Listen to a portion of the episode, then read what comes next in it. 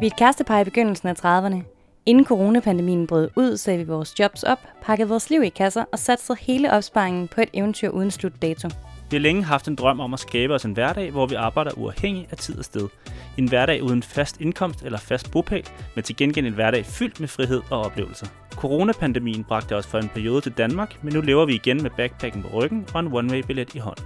Mit navn er Maja, Og jeg hedder Stefan og gennem denne podcast vil vi dele vores op- og nedture, mens vi prøver at finde ud af, hvordan man får det bedste ud af den virkelighed, vi lever i nu, og hvad der for os er det gode liv. Om livet som digital nomade er lykken, også i en pandemitid.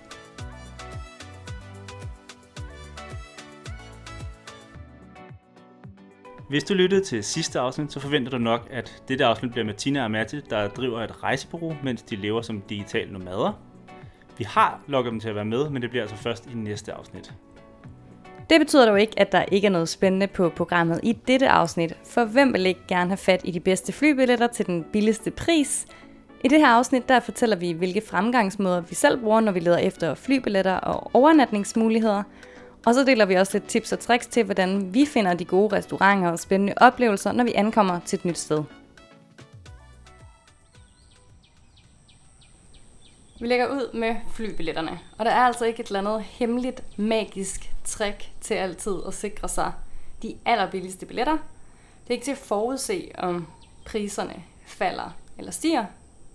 Nej, vi endte jo også med at betale om over 17.000 for vores returbilletter til Sri Lanka denne gang. Men vi bestilte så også i sidste øjeblik. Vi bestilte i sidste øjeblik, så det blev en, en dyr omgang. Men når det så er sagt, altså der er ikke noget magisk hemmeligt trick, så er der alligevel nogle ting, man kan gøre for at forsøge at finde de billigste billetter. Vi har samlet ni tips, som vi skal forsøge at videregive her. Og lad os starte med, hvad statistikken siger. Og ja, ifølge statistikken, så er den billigste afrejsedag tirsdag. Og det er altså, hvis man kigger på det i gennemsnit, mens fredag og søndag i gennemsnit er de dyreste dage. Men det er jo blot statistik, så jeg vil egentlig bare anbefale, at man tjekker hver evig eneste dag i den uge, man gerne vil sted, og kigger på, hvilke dage der er billigste, og så holde det op imod sine planer og se, hvad der kan, kan lade sig gøre. Ja, man kan jo bruge det lidt som indikator, ikke? men det er ikke altid noget, man kan være sikker på. Generelt set, så er det også oftest billigt at købe så tidligt som muligt, men der er altid en chance for, at prisen lige pludselig falder. Så igen, det er ikke til at forudse. Men generelt set, så tidligt som muligt. Og så er det selvfølgelig også de upopulære afgange, der for det meste er de billigste, så derfor er det selvfølgelig billigere at købe uden for højsæson. For eksempel skolernes sommerferie, efterårsferien, juleferien er for det meste dyre afgange. Derudover der er de billigste billetter også ofte med afrejsetidspunkt på et eller andet umenneskeligt tidspunkt, for eksempel midt om natten. Men øh, så må man stå op midt om natten for, for, for, for det billigste. Så det er sådan lidt mere øh, altså generel statistik, som man i princippet ikke kan bruge noget, men man alligevel, hvis man godt kunne tænke sig at rejse en søndag, så lige tjek om mandag ikke er billigere. Det er den for det meste. Men hvis man får en afgang, hvor man skal have en ekstra overnatning, så kan det være, at man lige skal opveje det i forhold til, hvad, øh, hvad det koster. Det der har vi selv i hvert fald gjort nogle gange, hvor jeg tror i sidste ende har det ikke været billigere. Nej, hvis man for eksempel så har brug for et hotel, der koster 500 kroner om natten oveni, så er det ikke altid, at det, det kan svare sig. Hmm. Et andet tip er selvfølgelig at bruge øh, søgemaskiner til at finde, hvilke afgange, der er de billigste. Vi bruger for det meste Kajak, Skyscanner eller Momondo, og så plejer vi faktisk at sammenholde lidt. Altså tjek den ene søgemaskine, og så lige tjek den anden søgemaskine, for at være sikker på, at søgemaskinen har fundet det rigtige frem til os. Det virker måske en lille smule som dobbeltarbejde, men vil man have de billigste billetter, eller ej? Ja, så kan man jo øh, også, øh, hvis man ikke er fast på datoen, så kan man jo altid bruge den der 3 plus minus dage, for at finde ud af, hvilken dato der så er billigst inden for den periode, man, man gerne vil rejse. Momondo og Skyscanner har lige nu sådan et øh, coronakort, hvor man kan se, hvilke restriktioner der er i hvilke lande, og hvilke lande man overhovedet kan komme ind med, med det pas, man har. Og som vi også tidligere har nævnt i de her, øh, når, ja, når vi snakker om corona, det er, at så lige for at tjekke med myndighederne sider også, at, øh, at det er korrekt, den information, der står. På kajak derimod, der kan du øh, sætte en prisagent til, og så får du øh, notifikationer for en given destination. Du kan også sætte øh, op for populære byer. Og i går der satte jeg en prisagent til på Stefans telefon, Lad os lige prøve at se her, hvad den har givet os. For eksempel så satte jeg en prisagent på hos Kajak, hvor jeg skrev når som helst, og så valgte jeg faktisk bare verdensbyer. Og den har fundet nogle forskellige flybilletter i løbet af, af natten. For eksempel så er der Barcelona for 462 kroner fra København, afgang 15. til 30. maj. Så er der en øh, afgang til Malaga i Spanien for 543 kroner 20. til 27. juni. Og den har altså fundet nogle forskellige øh, muligheder med, med billige afgange. Så har jeg også sat en prisagent til til Bali, den Passara, hvor jeg også har sagt øh, når som helst, men så har jeg så udfyldt, at jeg gerne vil til, til den Passara på Bali. Og der har den så fundet nogle forskellige priser, for eksempel 10. til 26. september for 4.641. Ja, så pointen her er lidt, at hvis man ikke er fast på destinationen og eller datorerne, så har man rigtig gode muligheder for at finde nogle utrolig billige billetter frem for, hvis man bare søger på nogle bestemte datoer til en bestemt lokation. Og det leder os om til, til næste tip. Tip nummer tre. Fleksibilitet. For ofte så kan du også finde billetter billigere, hvis du er fleksibel med din afrejsedato, hvis du er fleksibel med destinationen, eller hvis du er fleksibel med afrejse lufthavnen. For eksempel så ligger ferierne i Tyskland og Sverige jo anderledes end i Danmark, så du kan tjekke, hvis du for eksempel bor i nærheden af den tyske grænse, om der er nogle billigere afgang fra Tyskland, eller hvis du bor i nærheden af den svenske grænse, tjek om der er nogle billigere afgange fra Sverige. Det kan også indimellem give mening at flyve til nogle større lufthavne ude i verden, og så til videre derfra, hvis du for eksempel skal flyve længere rejser med, med mellemlandinger. Eksempelvis har vi selv haft ture til Sydøstasien, hvor vi har fået billetterne til omkring 1.500 kroner billigere per mand, fordi vi så har taget et stop i Hongkong den ene gang, eller Singapore den anden gang, og så samtidig har vi lagt nogle dage ind i byerne, hvor øh, vi så også fik mulighed for at opleve Hongkong og Singapore. Det kan virke en lille smule omstændigt, men der er altså ret mange penge at spare, især hvis du, du rejser meget. Sparede vi ikke også omkring 5.000 kroner, dengang vi skulle til Peru, ved at købe først en billet til London, og derefter en billet fra London til Lima? Præcis, og øh, det, det er faktisk lidt vores fjerde tip, så lad os, lad os bare springe, springe over i det. Altså hvis du selv sammensætter din tur, hvis du har en mellemlanding undervejs, kan du nogle gange få en, en ret meget billigere tur, hvis du vælger også for eksempel forskellige flyselskaber. Men hvis man vælger forskellige flyselskaber, så skal man huske, at der ikke er nogen, der hjælper dig, hvis det første fly er forsinket, og du dermed ikke når anden flyvning. Derudover så er der i mange store byer flere forskellige lufthavne, så du skal nok lige tjekke, at du flyver fra samme lufthavn, eller at du har tid til at skifte. Og hvis det er, at du skal spare fra den ene lufthavn til den anden, så er det ikke altid, det kan betale sig. Fordi du så også kommer til at bruge penge på for eksempel en taxa mellem lufthavnene. Altså, så man skal lige overveje, om, om bøvlet og øh, risikoen er det værd. Men det kan det altså være nogle gange, hvis man kan spare mange penge. Og så er der også øh, funktionen hos Momondo i hvert fald, som hedder hvor som helst, hvor man kan ud fra nogle specifikke datoer, eller bare generelt se, øh, hvor der er billigt at flyve hen i verden. Og det er også en god indikator, hvis man ikke ved, hvor man vil hen, bare vil gerne have inspiration til, hvor man kan komme billigt på tur, så kan man bruge den.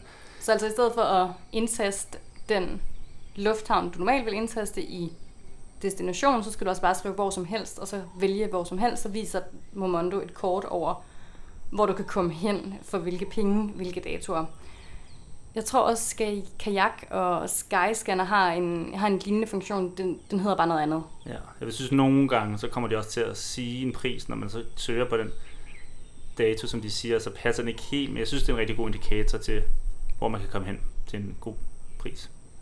Der er også mange, der siger, at man kan bruge en øh, VPN, fordi at priserne nogle gange er forskellige i de forskellige lande rundt omkring i verden. Så hvis man skifter ens land, computeren tror man er i, til et andet land, kan man nogle gange finde billigere billetter det er ikke noget, vi selv har haft held med, for jeg tror også, at søgemaskinerne er blevet lidt bedre til at lure, Opsnappe. Ja, hvor man er. Så jeg tror, man skal have en god VPN, hvis det er.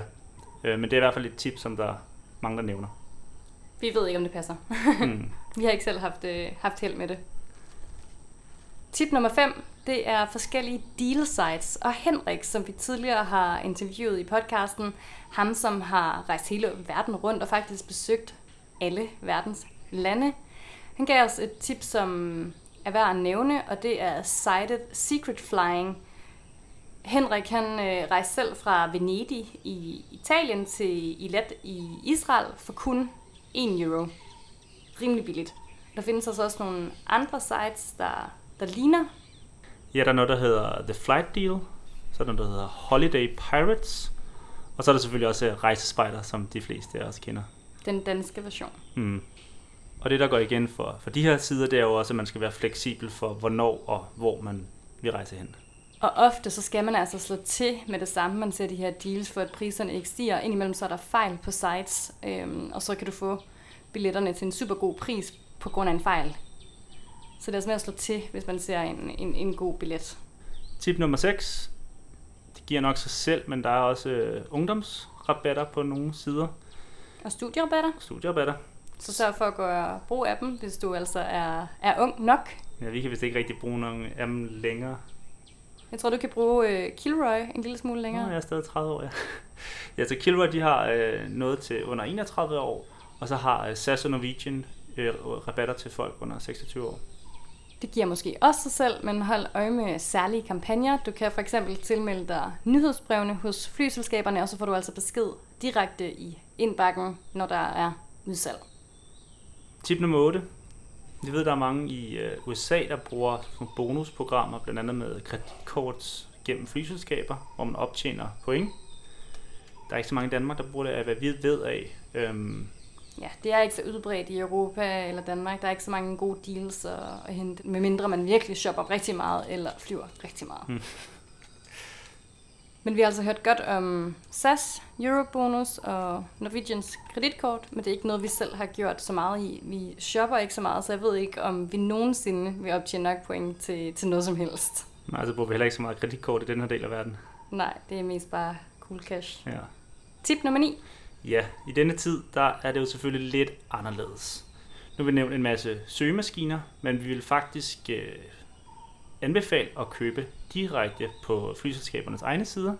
Eller en pakkerejse gennem et dansk selskab, som er medlem af Rejsegarantifonden. Yes, for der er jo nogle lidt store udfordringer for tiden med de her mellembureauer.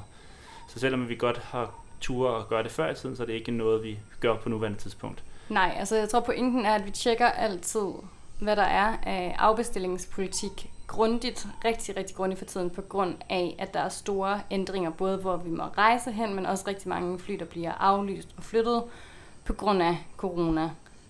Så lige nu, der bestiller vi personligt kun gennem flyselskaber, hvor vi kan ændre billetten uden mere omkostninger. Ja, og det er faktisk rigtig rart i en tid, hvor man aldrig alligevel ikke ved, hvornår man vil tage hjem. Præcis. det, det passer os rigtig, rigtig godt. For eksempel er vores øh, flybillet med Qatar nu her blevet ændret. Jeg ved ikke, hvor mange gange øh, vores hjemrejsebillet, men det gør os ikke så meget, fordi det betyder egentlig bare, at vi kan jo bare ændre den igen til, til når det passer os, Ja. uden det koster noget. Mm. Det er smartere, end det var tidligere, hvor man skulle betale et, et gebyr ofte for at, for at ændre den. Nu har vi talt rigtig længe om flybilletter, og så vil jeg så også godt slå et slag for at kompensere lidt. Vi er på ingen måde nogen klimaengle. Det udgiver vi os ikke for at være. Vi flyver mere end gennemsnittet. Men Vi vil gerne slå et slag for, at øh, man kan give lidt igen. Og det gør vi ved at betale til Climater. C-L-I-M-A-I-D-E-R. De hed tidligere Ren Sti. Og øh, der betaler vi et beløb til dem hver måned, for i hvert fald at, at give lidt igen. ja, det er ikke nogen reklame. Det er bare noget, vi gerne vil slå et slag for.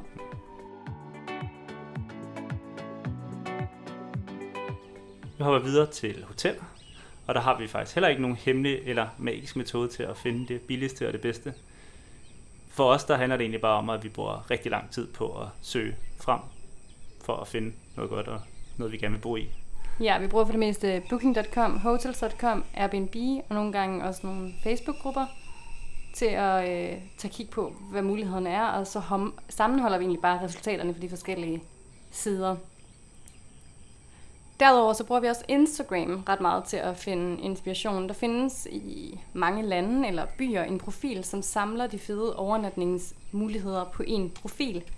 Her i Sri Lanka der er det for eksempel hotels.sri Lanka og Ceylon Hotels. Det er de største to, og hvis der ikke er nok inspiration der, så kan man finde lignende profiler inden for deres profil.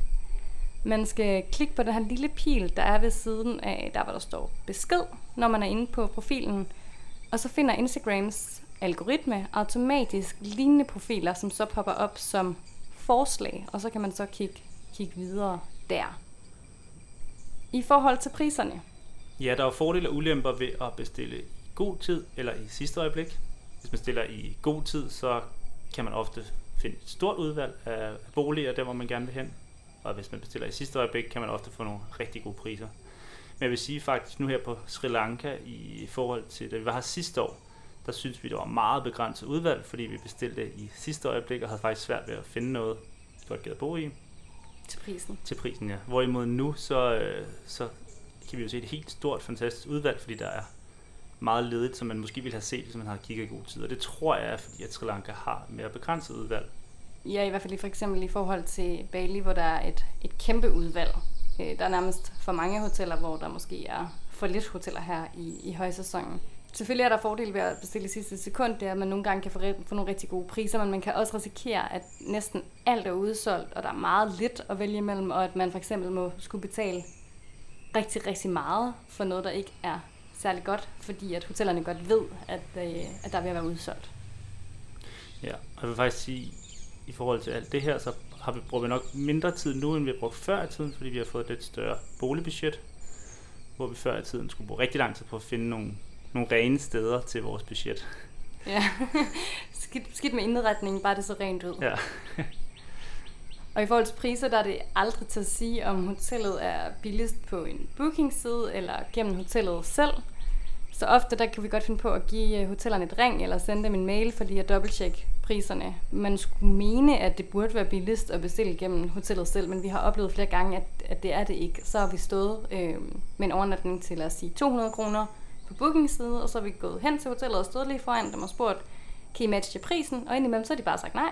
Så må I bestille på booking.com det giver ikke rigtig mening for os, at, øh, at de nogle gange siger nej til det, fordi at de skal jo betale et gebyr for hver booking gennem booking.com for eksempel. Men, øh, men det har vi altså været ude for. Så, øh, så indimellem så, det, så giver det mening at dobbelttjekke, så kan der altså være ret mange penge at spare, især hvis det er en, en længere rejse.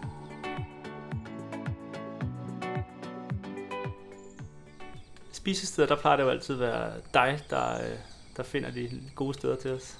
Ja, indimellem så sover du længe, og så vågner du op til, at jeg har fundet fire forskellige valgmuligheder i, i nærheden, hvor du kan vælge at spise brunch. Det må da være dejligt. Det er skønt. du plejer at ramme plet. Vi bruger primært Instagram, men TripAdvisor kan vi også godt bruge, men mest øh, sekundært.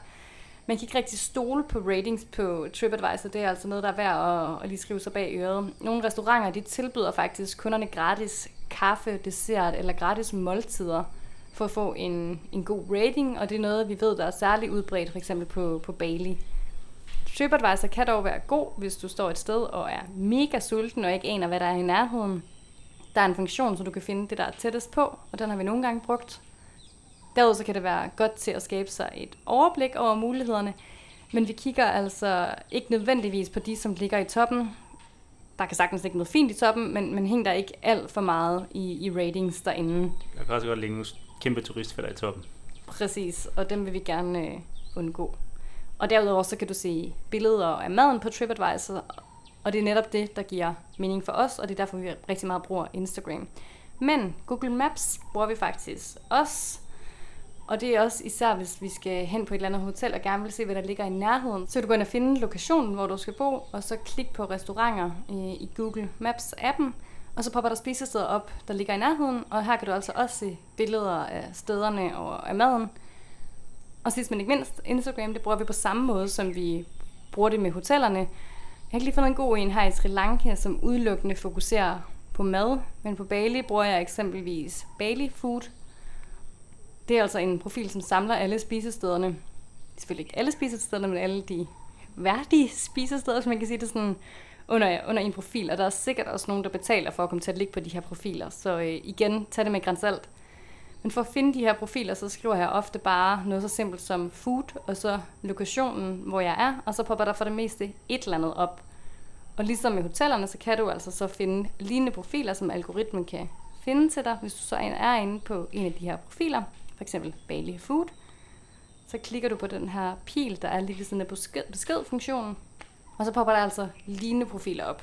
Men selvom der ikke er en, en god en, som samler alle steder lige her i Sri Lanka, så kan du altså godt bruge metoden, hvis du bare kender navnet på en restaurant i den by, du er i. Så skal du gå ind og finde dem på Instagram, og så skal du igen bare klikke på den her lille pil.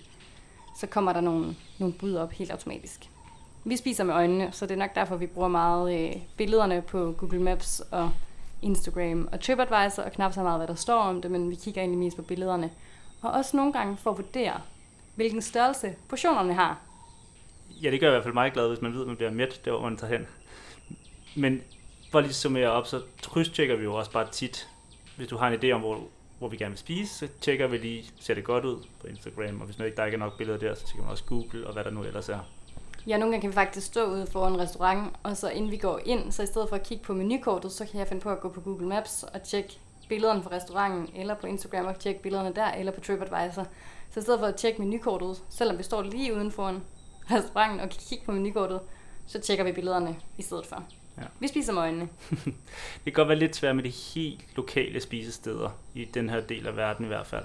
Så der, der må vi også nogle gange lige spørge lokale eller folk, der bor her fast til råds. Ja, et godt indikator her, det er at kigge, hvor de lokale går hen. Hmm. Altså, hvor sidder der lokale og spiser henne? Hvis, hvis, øh, hvis der sidder lokale, så skal det nok være godt. Præcis.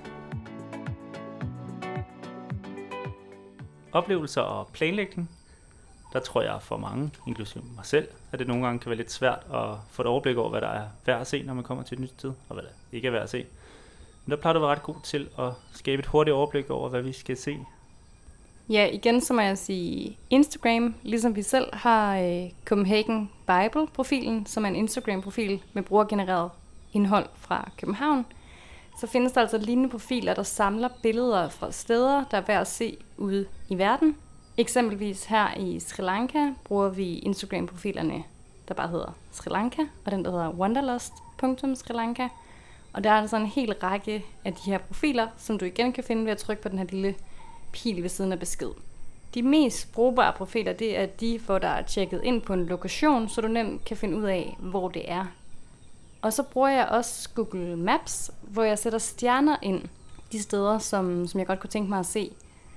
Så jeg sætter altså en masse stjerner på Google Maps ud fra den research, jeg gør mig på Instagram, og nogle gange så krydstjekker jeg også lige med et par blogindlæg for at sikre mig, at jeg har alt med.